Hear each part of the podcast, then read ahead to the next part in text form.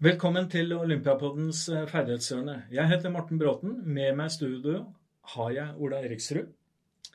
I denne episoden har vi besøk av eh, OLT-coach Roger Gjelsvik på Teams. Velkommen. Tusen takk, Morten. Tusen takk. Eh, du har lang erfaring i Olympiatoppen og i norsk idrett. Du er kanskje den mest erfarne OLT-coachen vi har. har. Så jeg har i hvert fall sett deg Jeg føler at jeg har sett deg i 20 år, 25 år, gående i de gangene her. Så endelig så skal vi få prate ut. Så jeg gleder meg. Eh, du har eh, mye på hjertet eh, hver gang vi prates. Hver gang vi prater sammen og prater fag og dine idretter. Så i dag er tematikken OLT-coach-rollen den er viktig å få gjennomsnakka, Roger. Så før vi går over til dine idretter, det handler om triatlon, skøyter, eventuelt padling og sykkel, men eh, triatlon er viktig. Liksom, hva er suksesskriteriene? Eh, liksom, eh, hvordan har din jobb vært det der? Og norsk idrett generelt. Hvor går veien videre etter suksess i sommer, vinter? Eh, OL og para, olympiske leker. Eh, og så har jeg lyst til å dreie innom landslagsmodellen. Hvilke tanker du har om den, og fremtiden for utvikling av den eh, modellen. Så her tror jeg lytterne har mye å glede seg til. Og vi, jeg skal sette meg godt tilbake i stolen for å høre på din erfaring. Så OLT-coach-rollen, hva innebærer det, Roger? Ja, takk, Morten. Det var en fin innledning. Hvis jeg føler at, jeg, at, du har satt meg i gangen på Olympiatoppen i 20-25 år, så kan jeg si uh, i like måte. Vi har vel gått der oppe med forskjellige utgangspunkt begge to og veldig mange år. Jeg begynte jo egentlig å gå på toppidrettssenter allerede som utøver sjøl. Eh, og det er jo 30-35 år siden. Og så ble jeg etter hvert trener, og han har vært innenfor friidrett og kappgang, som var min eh, viktigste idrett. Og, så begynte jeg å bli Olympiatoppen, og jeg har vært OLT-coach siden 2006-2007. Ja.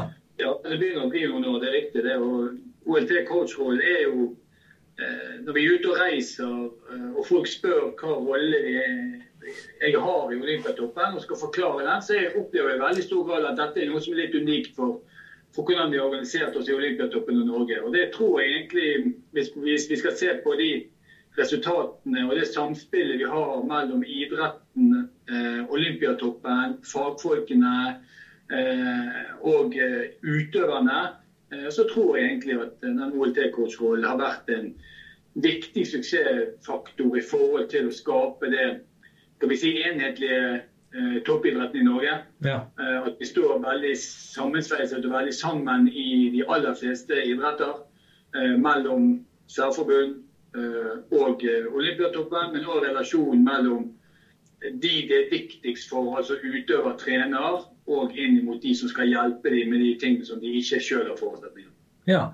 Hva er viktigste forutsetninger for at rollen skal fungere? Jeg tror Den viktigste rollen faktisk fungerer, er at den som er Hvis vi, ta, hvis vi begynner med OLT-coachen, så tror jeg han må evne å ha en god oversikt over hva som kreves for å bli ordentlig god i den idretten han skal være med og bidra til. Eh, han må forstå eh, hva som skal til for å bli på det øverste nivået. Eh, så det, det er et krav som ligger til oss som OLT-coach. Selv om jeg kommer fra kappgang og friidrett, så, og i utgangspunktet ikke har så veldig stor greie på kombinert, eksempel, som jeg har jobbet med, så må, jeg, så må jeg på mange måter sette meg inn i å forstå hva som skal til for at kombinert eller skøyter eller triatlon eh, skal kunne ta de stegene som skal til for å bli best i verden. Hvis jeg ikke kan sette meg inn i det og evne å se det bildet, eh, så kan det bli fryktelig vanskelig for meg å gjøre en veldig god jobb.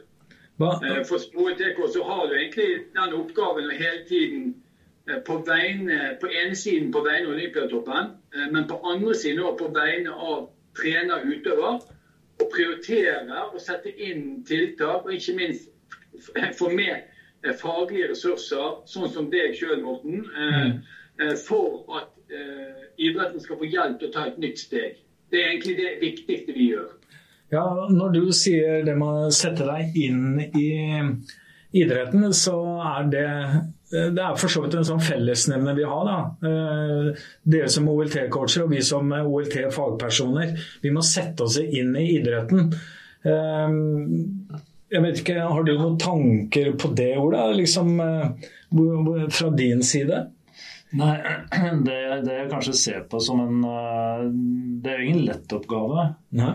For jeg tror uh, kanskje vi ser det fra vårt faglige ståsted, mens coachen må ha et enda enda breiere ståsted, altså en enda breiere vinkling enn kanskje vi har. Jeg vet ikke, Hva tenker du om det, Roger? Det, det, tror jeg er veldig riktig. Og det som kan si, For meg som OLT-coach, så eh, tar dere to da, som fagpersoner, så er det aller viktigste for meg i min jobb er at dere forstår eh, hvordan dere kan bidra mest med det dere er gode på i deres lag mot idretten. Ja. Eh, hvis dere er fantastisk der, så blir jeg egentlig fantastisk òg. Eh, for hvis jeg klarer å dra med en av dere inn i et prosjekt, og jeg ser og det, som du sier, Ola, jeg må, jeg må, se helheten. Og jeg må kunne forstå at nå er det eh, f.eks. en motorisk utfordring som begrensende i forhold til å lære teknikken så godt som skal til for å kunne være på det øverste nivået.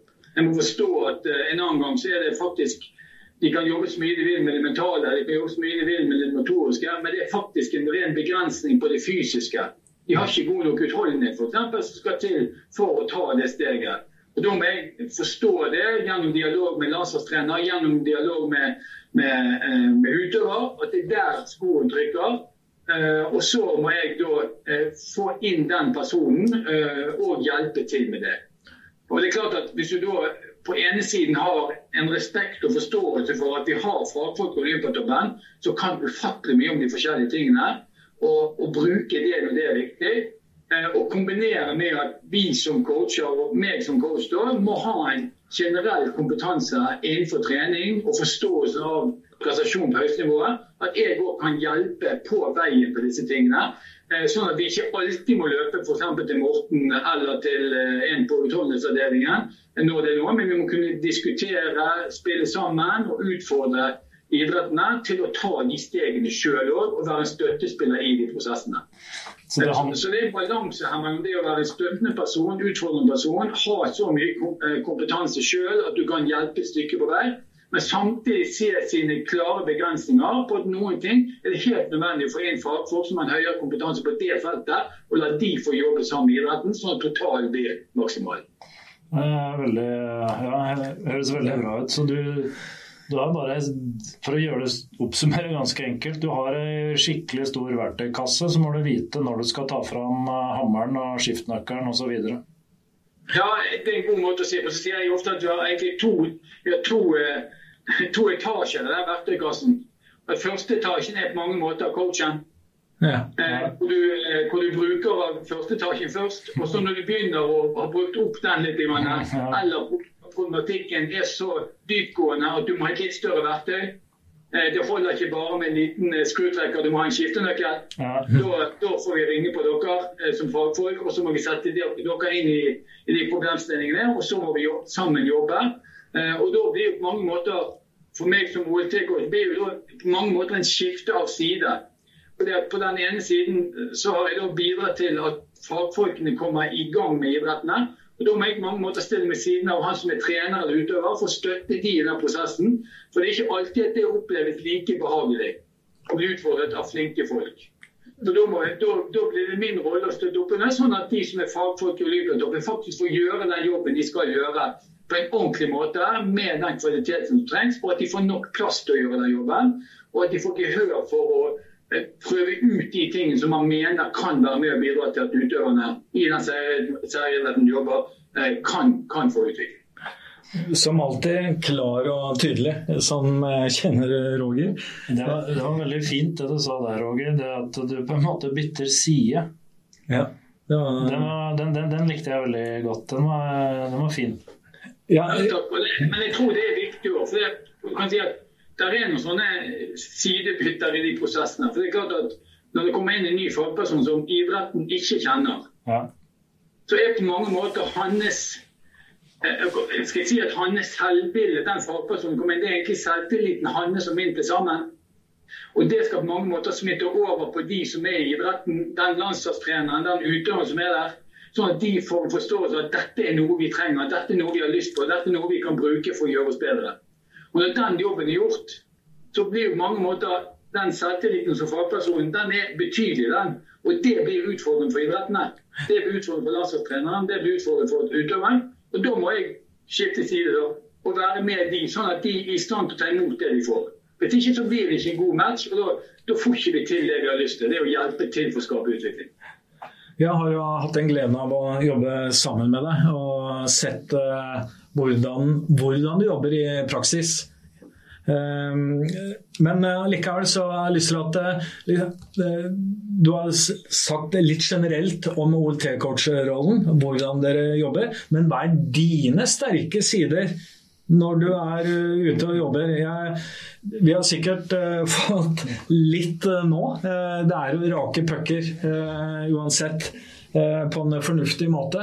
men hva er dine sterke sider, bortsett fra mange år i rollen? da? Nei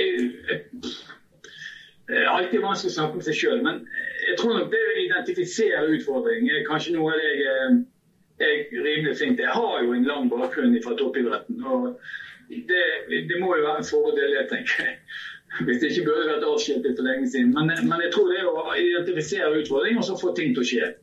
Jeg tror det kanskje er de viktigste tingene. Det, det tror jeg er helt avgjørende for at vi skal skape dynamikk og vi skal skape utvikling. For det er en gang, en gang sånn i toppidretten. Vi har fryktelig dårlig tid. Ja. Vi kan mene at det vi gjør i dag er det beste vi kan, men det er ikke godt nok i morgen. Så vi må hele tiden søke etter og lete etter de tingene som kan ta oss fremover. Og det å hele tiden være på det og, og finne de og identifisere de tingene, og så sette det i gang og sette det ut i livet, det, det er helt alt for meg. Og så tror jeg jeg er sånn rimelig flink å støtte opp under når stresset øker. Eh, når ting er vanskelig, ting oppstår og sånn, så opplever jeg kanskje at det er noe jeg på en eller annen måte klarer. Men, men min, min rolle er jo i de fleste settinger ganske begrenset. Jeg er en som setter i gang ting og får ting til å skje og sånn, ja. Men jobben gjøres i stor grad av utøver, trener, og så i veldig mange eh, perioder så er det fagfolk som er utrolig dyktige, som er inne og jobber med det. det, det så vi skal ikke overdrive den delen, tror jeg.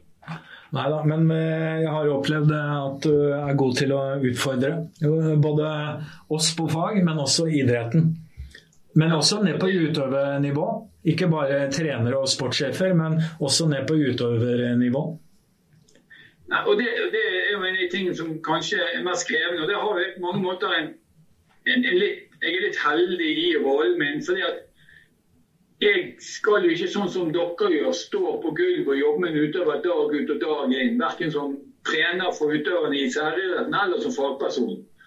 Eh, så jeg kan i større grad regulere det med avstand til utøver og til viss grad til trener. Så er, jeg driver jo ikke en popularitetskonkurranse. Så mitt mål er jo ikke å bli populær. Mitt mål er å skape utvikling. Eh, og legge til rette for at de som har best forutsetninger for å hjelpe utøverne faktisk gjør det. Eh, så det er helt i orden at Roger er litt plagsom og Roger er litt dum og Roger sier mye rart. og Roger ditt og Roger Det lever jeg ganske godt med. Så hvis vi bare gjør det bra i de konkurransene som teller mest, så vil de fleste si ja, ja, kanskje ikke det var så dumt allikevel. Så, så det er liksom, jeg er egentlig ganske heldig der. Jeg tror ikke, jeg tror Hvis du skulle ha brukt popularitetsbarometer, så hadde vel ikke du hatt jobben, for å si det sånn.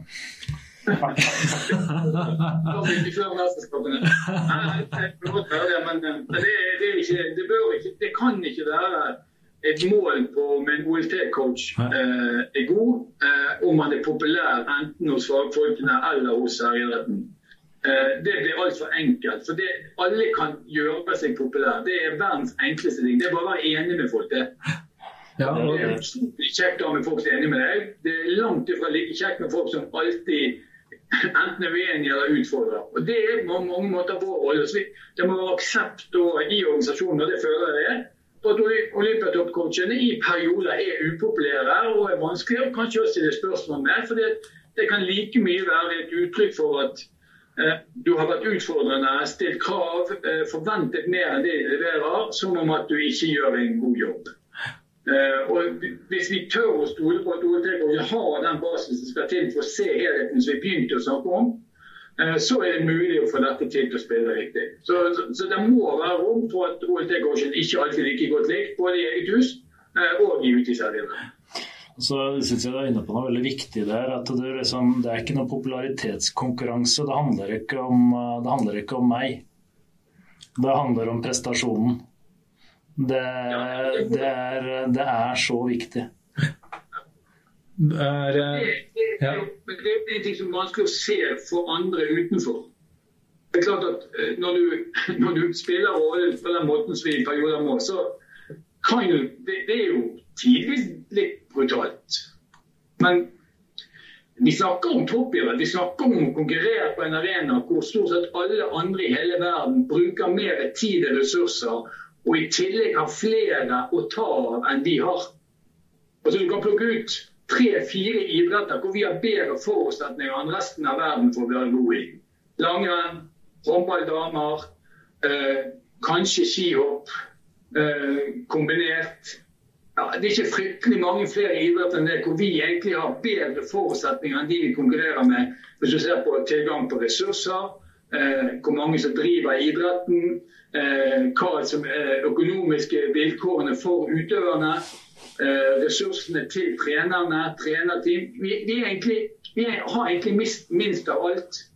Så Hvis vi skal klare å hevde oss, så må vi være, vi må treffe med de tingene vi sitter inn.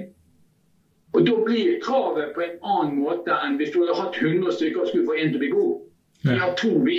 Hvordan en skal lykkes, og den andre skal bli ganske god, han. Det, det, det, er liksom, det er vårt utgangspunkt i, i toppidretten i Norge. Og det har jo på mange måter Norge gjennom de siste 40 årene, altså hvor Olympiatoppen begynte, eller P88 som det het fra starten av, gjort til sin fordel. Det at vi skal være til stede for de beste og bruke tid på de for at de skal få optimalt ut av sin karriere. Og Da går vi identifisere talent, identifisere de som er å gjøre og identifisere hva som skal til for å løfte de som blir helt, helt avgjørende. Ja, nå er vi jo i ferd med å gå over i nye tematikker. Eh, det er eh, og engasjementet til eh, deg, Roger, det øker her, kjenner jeg på meg. Så lytterne har noe å glede seg til. Uh, Ola, har du noe mer innenfor uh, den tematikken? Uh, noen tilføyinger eller noen flere spørsmål? Jeg syns det her var veldig spennende. Veldig, ja. veldig, veldig bra. Jeg, jeg, jeg, jeg syns den herre variasjonen å vite når du f.eks. går fra den ene rolla til den andre, andre rolla, det overordna blikket det, altså det krever sin mann og det krever sin kvinne for å innta en, en sånn rolle på en god måte. Det er helt sikkert. Over til uh, en idrett, uh, Roger. Uh, Triatlon. Uh, eventyrlig suksess de siste årene. ja, jeg kan vel bare putte på en femmer, så er du i gang. Liksom, hva Kan du fortelle litt om den prosessen som du har vært igjennom sammen med de?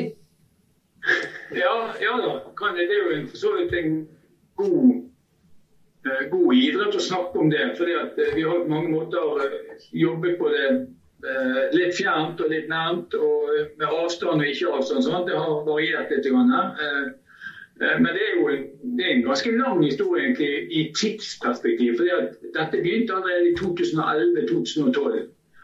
Hvor Olympiatoppen hadde hatt møte flere ganger med triatlon om eh, satsing på triatlon. Og Triatlonforbundet var egentlig veldig opptatt av det som heter vintertriatlon. Og det var jobb for å få det inn på vinterprogrammet i OL og sånn. Det, det var jo vel eh, Tor Øverbø som var kontaktperson i den perioden her, og avviste det ganske klart at det, det var ikke aktuelt for Lynbeth å involvere seg i det.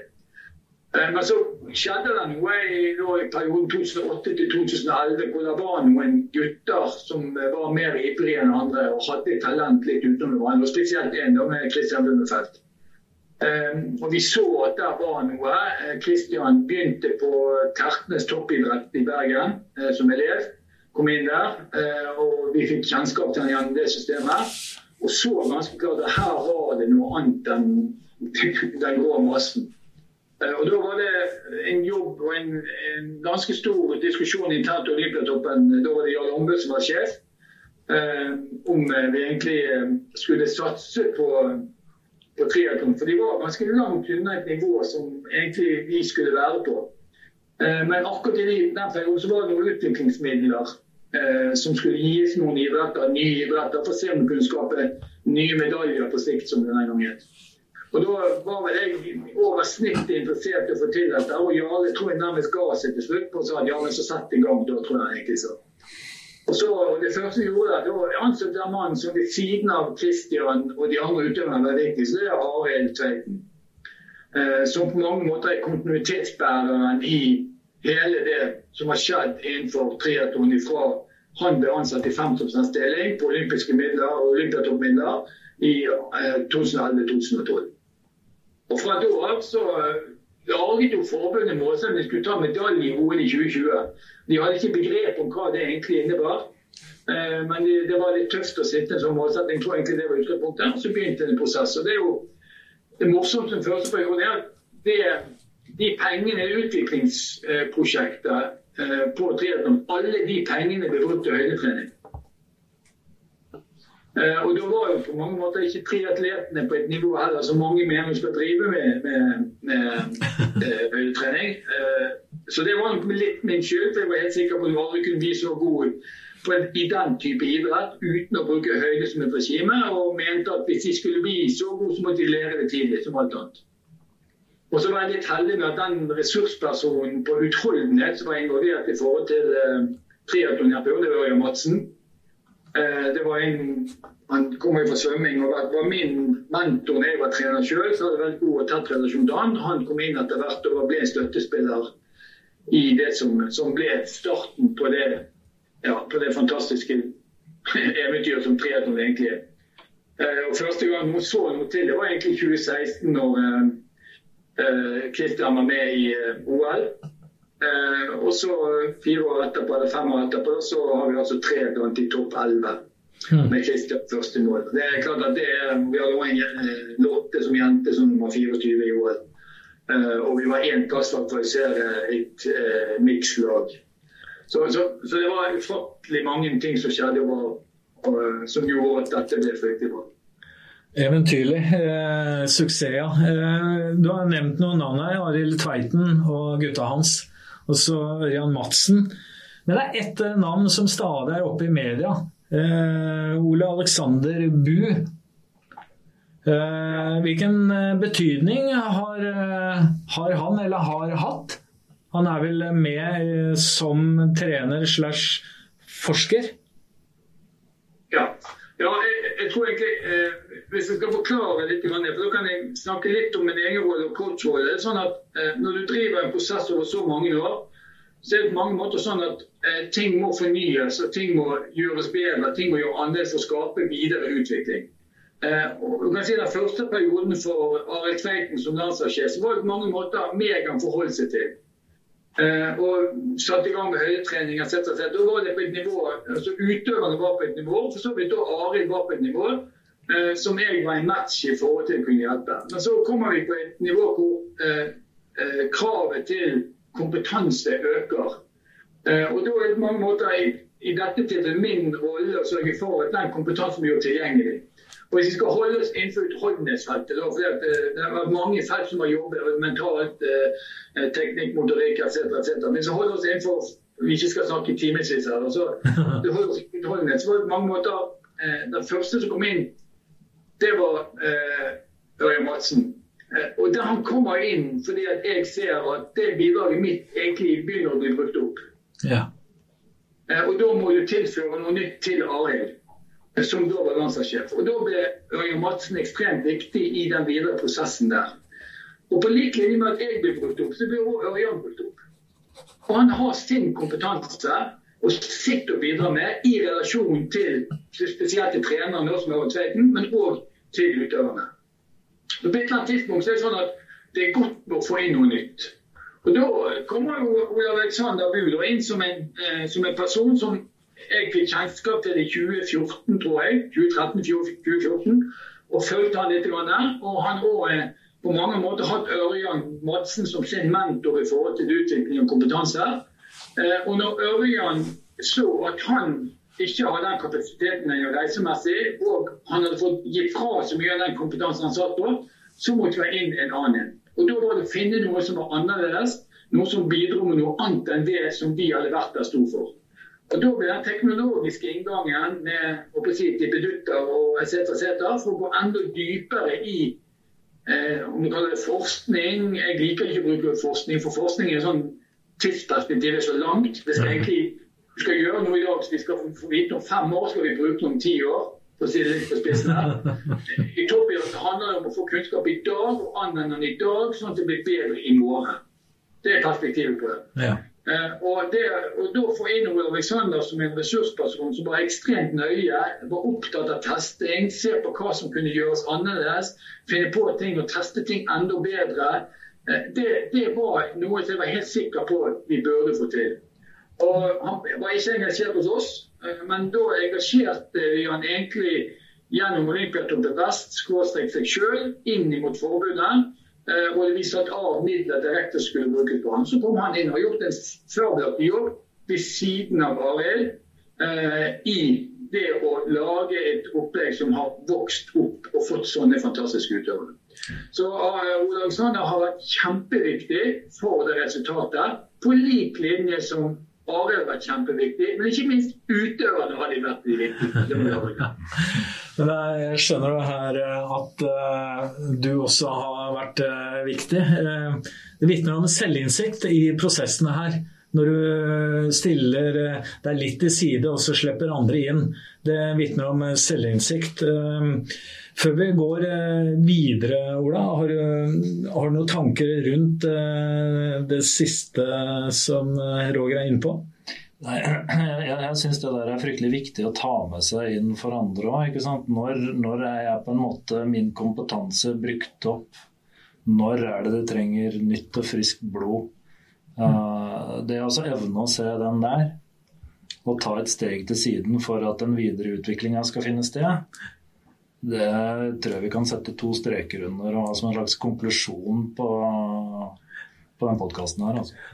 Ja, eh, det er mye jeg tar med meg her. Eh, så, men eh, vi er ikke ferdig. Jeg gleder meg til videre,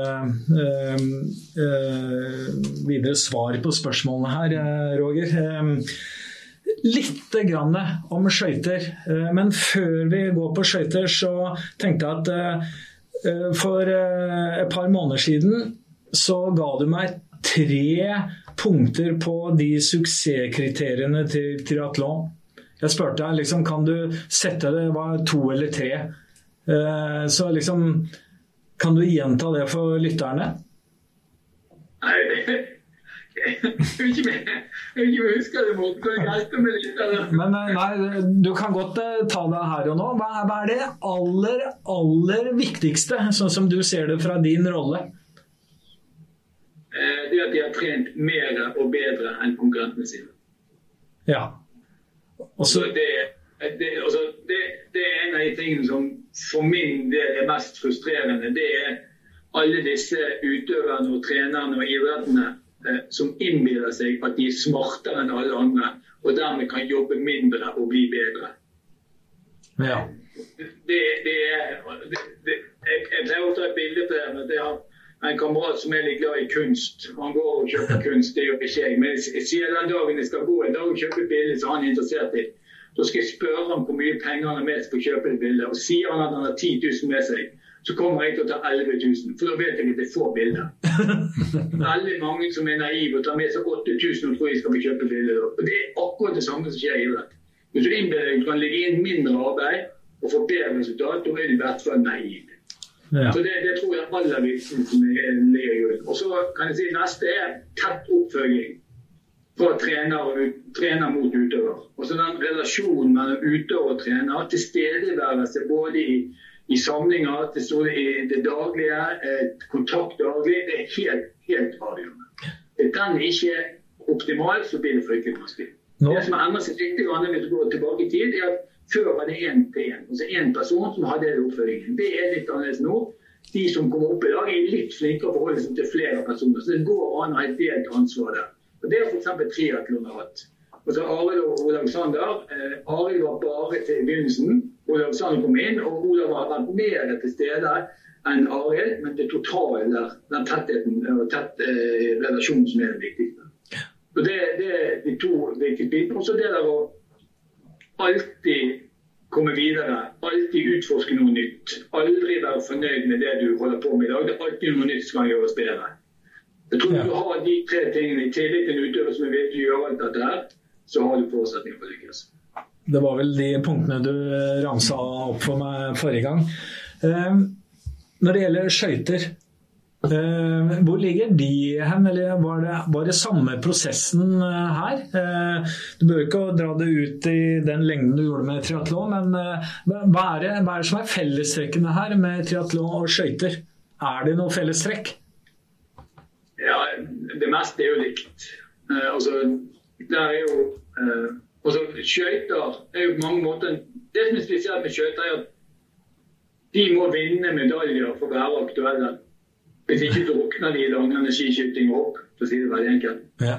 Uh, og realiteten var at uh, fra uh, altså de, Skøyter har tatt like mange medaljer i OL i 2018 og 2022 som de gjorde fra vi hadde OL på Lillehammer i 1994 og frem til og med 2014. Så det, har vært en enorm utvikling i skøyter i resultat de, siste, de to siste årene. Det, det, er de samme tingene som vi snakket om i sted. Vi har vært heldige med trenerne. De vi har utøvere som har vært villige til å gjøre jobben, og de har stått sammen som et lag. Og skjønt fordel av hverandre hvis de skal slå de som er utenfor Norge. Altså Det å krangle internt i lag om å være best, det blir bare en begrensning. For det er jo helt uinteressant for alle andre enn enkeltindividet hvem av de norske som vinner. Det at, det, at det er fra Norge som gjør det bra, som er det viktige.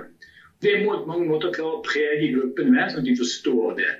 Og Der har vi hatt prosesser i skøyter som var ganske krevende i starten for å få det på plass. Når det var på plass, så, det, så, gjorde det at veldig mange ting gikk veldig bra. Men trenerne hadde mye å si. Sondre Skali, som var trener i første periode, som hovedtrener der. Jeremy Waterspoon, som kom inn i 2016 på sprinterne helt avgjørende for de resultatene eh, som var der. Men, men vi også en som het Finn Halvorsen, som mange som holdt på med idrett i veldig mange år. De første to årene fra 2014 ved siden av Sondre. som var på mange måter en, en utrolig krevende person, men han har enorm kunnskap. og ville utfordre alt som var mulig å utfordre, for at det som Sondre sammen med Edel Therese Høiseth, som var trener, og eh, Eh, Lasse Sætre som sportssjef sto for, at de ble utfordret hele tiden på tingene, det var helt avgjørende for at vi skapte den utviklingen vi hadde. Er han med ennå? Nei, men ikke med den. Han det er litt det samme med han som vi snakket om, både meg og Ørjan Madsen og flere, i den første prosessen i triatlon. At det er, alle har sin periode hvor de har veldig stor påvirkning. Og da må de få plass til det. Og så kommer det perioder hvor det er andre ting som blir viktigere, og da må gis plass for det. Så Den jobben han bidro til norsk skøytesport i 2014-2016, tror jeg få andre kunne gjort. Men jeg tror jeg ville valgt Jeremy Waterspoon som trener på sprinter fra da og fremover hvis jeg skulle velge opp igjen. Men jeg ville ikke valgt Jeremy fra starten av. Vi trengte de prosessene fra begynnelsen av. Ja, Ola. Eh, du har hørt uh, suksesshistorier. Er det noe du trekker sammen her? Er det noen punkter du gjerne ville fremheve, som Roger er inne på? Nei, det, det er jo gjengangeren. Det der hele tida ikke slå seg til ro og ikke være fornøyd. Mm. Og så den derre alt til sin tid, da. Å forstå sin egen begrensning og forutsetning. Ja. Uh, Nei, det tror jeg mange kan ta til seg, altså. Der, eh, når, de, når, dere påpeker det, så tenker jeg 30 år i Olympiatoppen. Kanskje jeg ikke har skjønt min påvirkning lenger. Så det er mulig jeg bør eh, Eh, ta signalene etter den podkastsendinga her, Roger. Det er, uh... det er ikke sikkert vi ser Morten til høsten. Nei, altså, Nei, det er ikke problemet, Morten. Men du, du kan begynne å stille spørsmål. Det er av og til når vi lurer eller mener at du skal jobbe noe annet enn å jobbe lenge. og det, det, er viktig. at uh, Den kompetansen vi har, det er jo kanskje brukt opp mot ett miljø, men det vil ikke si at den er unyttig mot et annet sted. Mm. Eller annerledes. Det er ikke sånn at Eh, og så Ørjan Madsen, da, som jeg nevnte han i starten. Han er, var en fantastisk fagmann. Jeg ville brukt han opp igjen en million ganger hvis ikke var for at han er blitt pensjonist og nå heller vil kite og leve livet sitt. Eh, eller, eh, eller, en annen en. Poenget er at men vi, vi, må prøve å sette det inn der de kan gjøre en forskjell. Ja.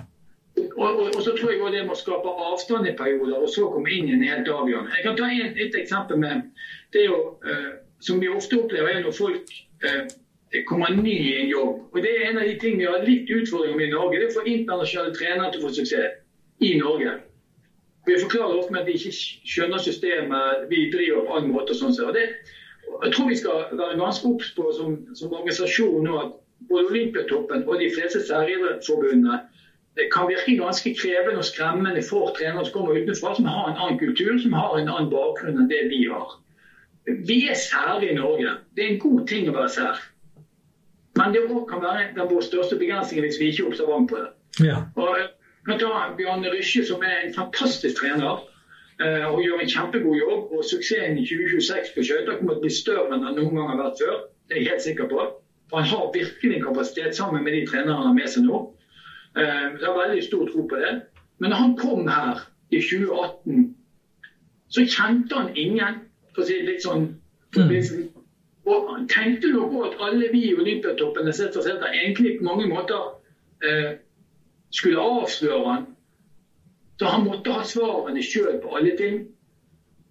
Mm. Eh, og det å få den tryggheten og vite at alle rundt deg eh, vil ditt beste og vil at dette skal bli suksess, og vi er egentlig bare et stort team som jobber mot det samme målet, det tar tid å forstå. Og Det tror jeg noe vi kan ta til oss alle som har en posisjon i norsk idrett. Når det kommer inn nye folk, så må de få plass. De må få muligheten til å vise seg frem, de må få muligheten til å prøve ut ting uten at de egentlig fordømmer og sier at det er feil. Nei, vi har gjort dette i 30 år før vi kan det, så du trenger ikke komme med de ideene her og sånn. Noe typisk norsk. Det må vi ikke. Hvis ikke vi gir slipp og gir plass til disse, så har vi ikke sjanse til å skape utvikling. Men, har, men Bjarne, for ta ett om han, han, en av trenerne virkelig har stor respekt for. Han jeg husker Lars Arne Andersen, som er din kollega, da, som er en fantastisk fagmann. Um, han var med på en samling på høsten da første året Bjarne kom, og jeg spurte Bjarne den gangen om hva syns du om uh, Lars Arne. Jo, det var bare det. Men uh, han vet ikke om han har helt behov for det, fordi at uh, han kunne ikke skøyter. Og Det er en normal uh, tilbakemelding for dere som fagfolk. Du kan ikke den særligheten du skal jobbe med. Han var litt usikker på hvor mye kunne dra nytte av det. Nei, greit, det, det går bra, det. Så jeg gjorde ikke så mye mer med det. Men før OL i år, da, så var det én mann eh, Bjarne Rysje ville ha med seg på samling fire uker til USA. Det var Lars Arne. Det forteller noe om ikke kompetansen til trener, ikke kompetansen til, eh, til eh, Lars Arne som fagperson, men det forteller noe om at det tar tid å skape en trygg relasjon som kan være med å skape utvikling. Og Det må vi ha større respekt for i norsk idrett hvis vi skal ta flere steg enn det vi klarer. Ja, Det er eh, tid for å lære å kommunisere med hverandre. For å skape den nødvendige relasjonen i, et, eh, i utviklingsprosesser. Og så En annen ting som jeg tar med meg her, òg, er jo det hele tida være på søken sjøl òg. Ja. At vi som fagpersoner hele tida er på den søken. Mm. For uh, vi ser jo hvordan Roger og resten av teamet jobber her. Hvis vi også ikke er på søken under det der for å Ja, på andre nivå da, i, i verktøykassa for å dra den tilbake. Mm. Og hele tida går nært på idretten der for å forstå den, så tror jeg vi bommer litt. Vi går over til neste tematikk, eh, Roger. Um, Eh, det er mye å fordøye her. Det er mye nyanser i det du kommer med. Så mm, jeg gleder meg til eh, det som handler om eh, hvor går veien videre etter eventyrlig suksess med norsk idrett fra Tokyo og Beijing.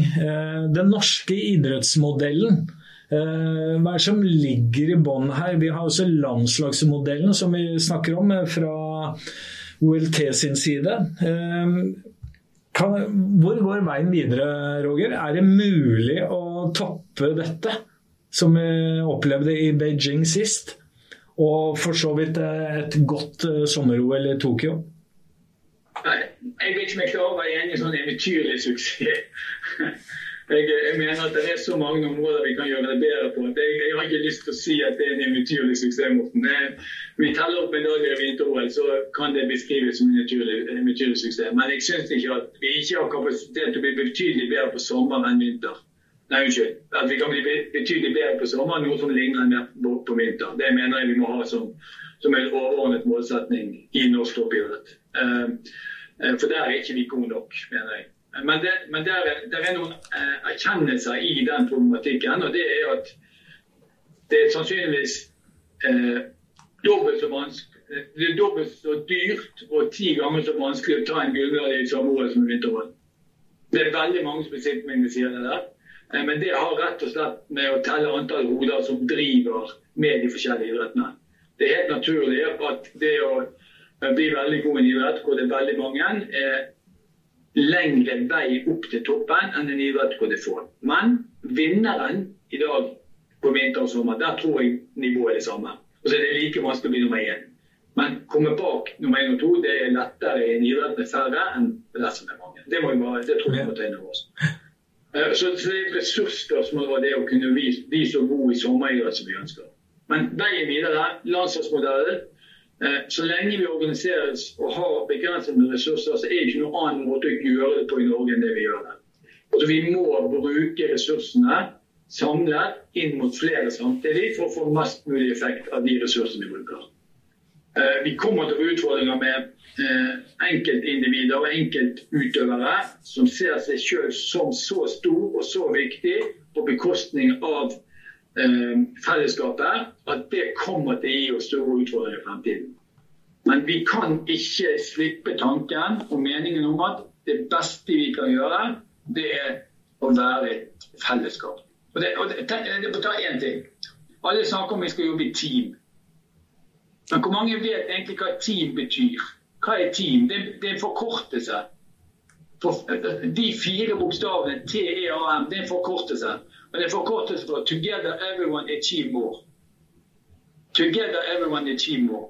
Det er få som vet. Ja, og det, det, kan jo vi skrive under på. Eller i hvert fall jeg kan skrive under på det. Ja, og det, og det er et poeng. For det, det, er en grunn til at vi setter sammen i tid.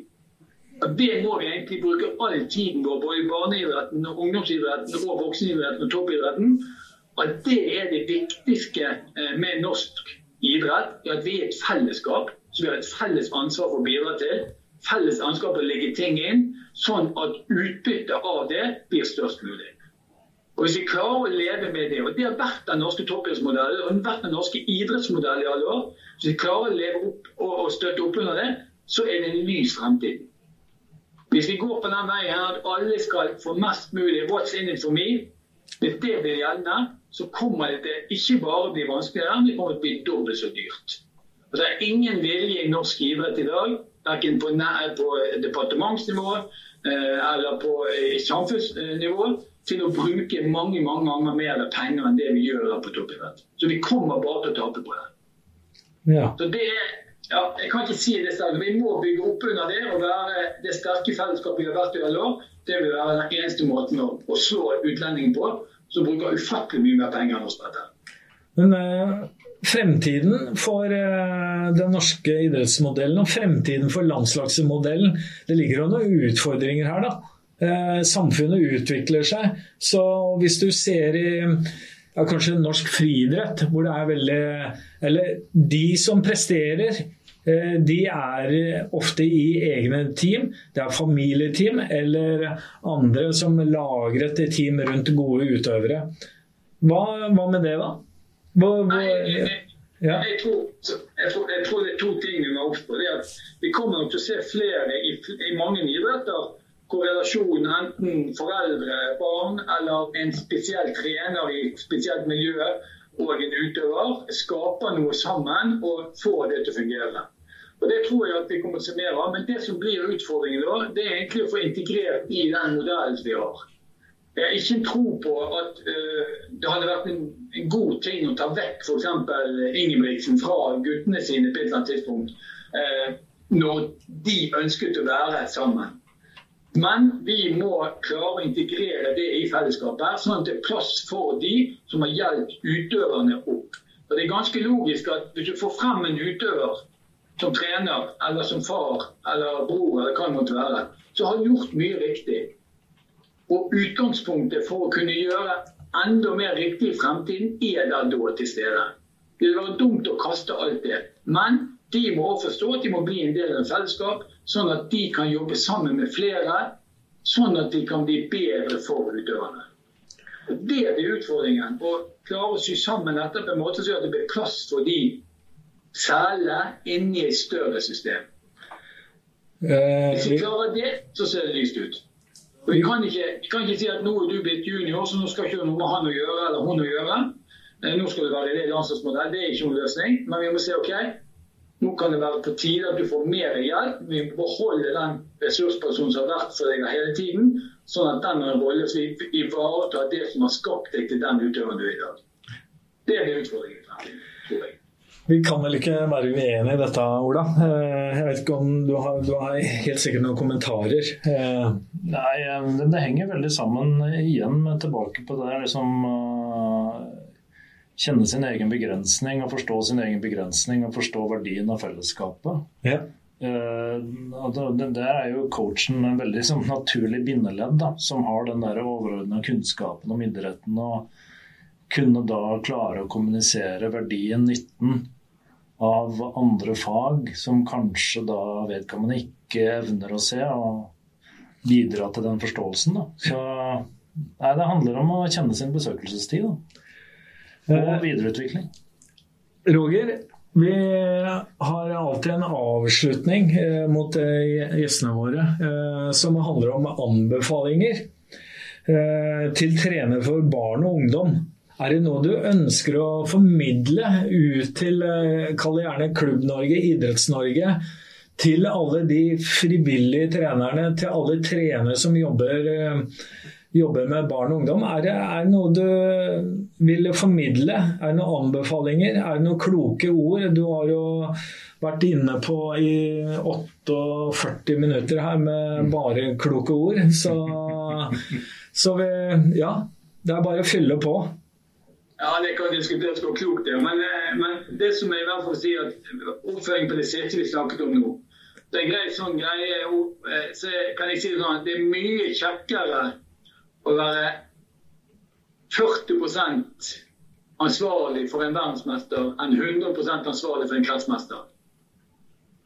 Så det kan være et greit utgangspunkt for oss trenere for å gi slipp gi plass til andre sånn at vi totalt sett blir et bedre team mot de beste utøverne og de nest beste utøverne.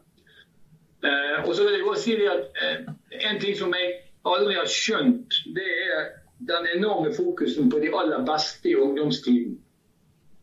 Mm. For de beste de får alltid nok oppmerksomhet og tid. Det er de nest beste vi må holde i gang. For de nest beste utøverne er egentlig hele limet i en, en gruppe. Fordi de binder sammen de beste og de som ikke kom så langt ennå, som mange da sier er dårligst. Men de er bare ikke kommet så langt. Det kan godt være de blir veldig gode til slutt. Men hvis du klarer å ta vare på den gruppen i midten, så har de beste noen å være bedre enn. Og de som er kommet minst på altså de dårligste har noen som er opp til som de kan nå. Og det gjør at du holder en gruppe i gang. Vi vet at jo flere du holder i gang, jo, jo lengre, jo bedre blir de beste.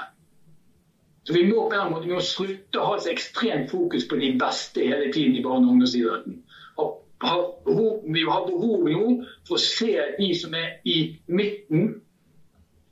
De som gjør jobben hver dag, som har glede av den idretten de driver med, og som faktisk kanskje har lyst en gang å bli veldig gode. Men det er ikke alle de midten det er like viktig for, men det er viktig for å være en del av miljøet. Hvis vi klarer større fokus på den gruppen i barne- og ungdomsidretten, så kommer flere til å ha glede i idretten lenger. Og det gjør at det kommer til å bli flere som blir fryktelig gode som utøvere til slutt. Og vi får sannsynligvis flere ledere og flere trenere òg. For dette er den gruppen hvor det er størst potensial til å finne gode trenere. Så det er sånn ja, Hvis vi kunne hatt det fokuset i norsk idrett, så tror jeg vi kunne virkelig tatt noen steg. Ja, Det kan jeg ikke annet enn å si meg fryktelig enig i. Og jeg tenker spesielt på lagidretten der. Altså I lagidretten så er det gjerne, kall det stjerna, da. Som mm. får voldsom oppmerksomhet for mest coaching osv. Mest spilletid, kanskje. Mens uh, de andre som faktisk er egentlig hele livslinja for at det laget eksisterer, er jo ekstremt viktig. Så hør, hør, sier jeg bare. Ja, uh, men, men, bare til at Det gjelder like mye lagidrett som det gjelder lagidrett. Vi er helt enig i lagidrett, men det må vi være obs på. Og det vil gjøre at norsk idrett blir bedre enn det er i dag. Ja, nei, så absolutt. Jeg tenkte bare det blir så ekstremt visuelt og tydelig i det du har et lag på banen. Det er enig. Ja, vi kan i hvert fall ikke være uenig. Det Nei. som er uh, blitt sagt avslutningsvis her, uh, de anbefalingene. Ja, hvis jeg vil si én ting til slutt. Det skal du få lov til. Det, det er faktisk ikke farlig å være i aktivitet. Nei. Og den frykten for at folk skal spille kamp i morgen og må hvile i dag, eller folk kan ikke trene x antall ganger, det er farlig å trene før skolen etc. etc. Går vi 100 år tilbake i tid, så gikk vi til jobb, vi gikk til skole, vi gikk på tur i helgene. Altså, vi var 100 ganger Nei, det var ikke. Vi var mye mer aktive enn gjennomsnittet i dag. Det er faktisk ikke farlig i hele tatt. Folk kan drive mange idretter. Hvis barn og unge har glede av å være med på mye, så får alle da de får være med på det. Det er faktisk bare bra å være i aktivitet. Vi blir fort nok sittende i. Så det er bare å holde på. Vi lar det være avslutningsordene eh, og sitatene. Eh, tusen takk, Roger. Dette har vært en berikelse for oss i studio her å, høre på deg. Eh, det, det, var mye mer enn forventa. Eh, så det kan jeg si til deg. Vi kjenner hverandre. Så det syns jeg var eh, veldig bra. Jeg tror lytterne har mye å se frem til her, eh, Ola. Så absolutt. Så tusen takk, Roger. Takk for det. Det var kjekt å være med.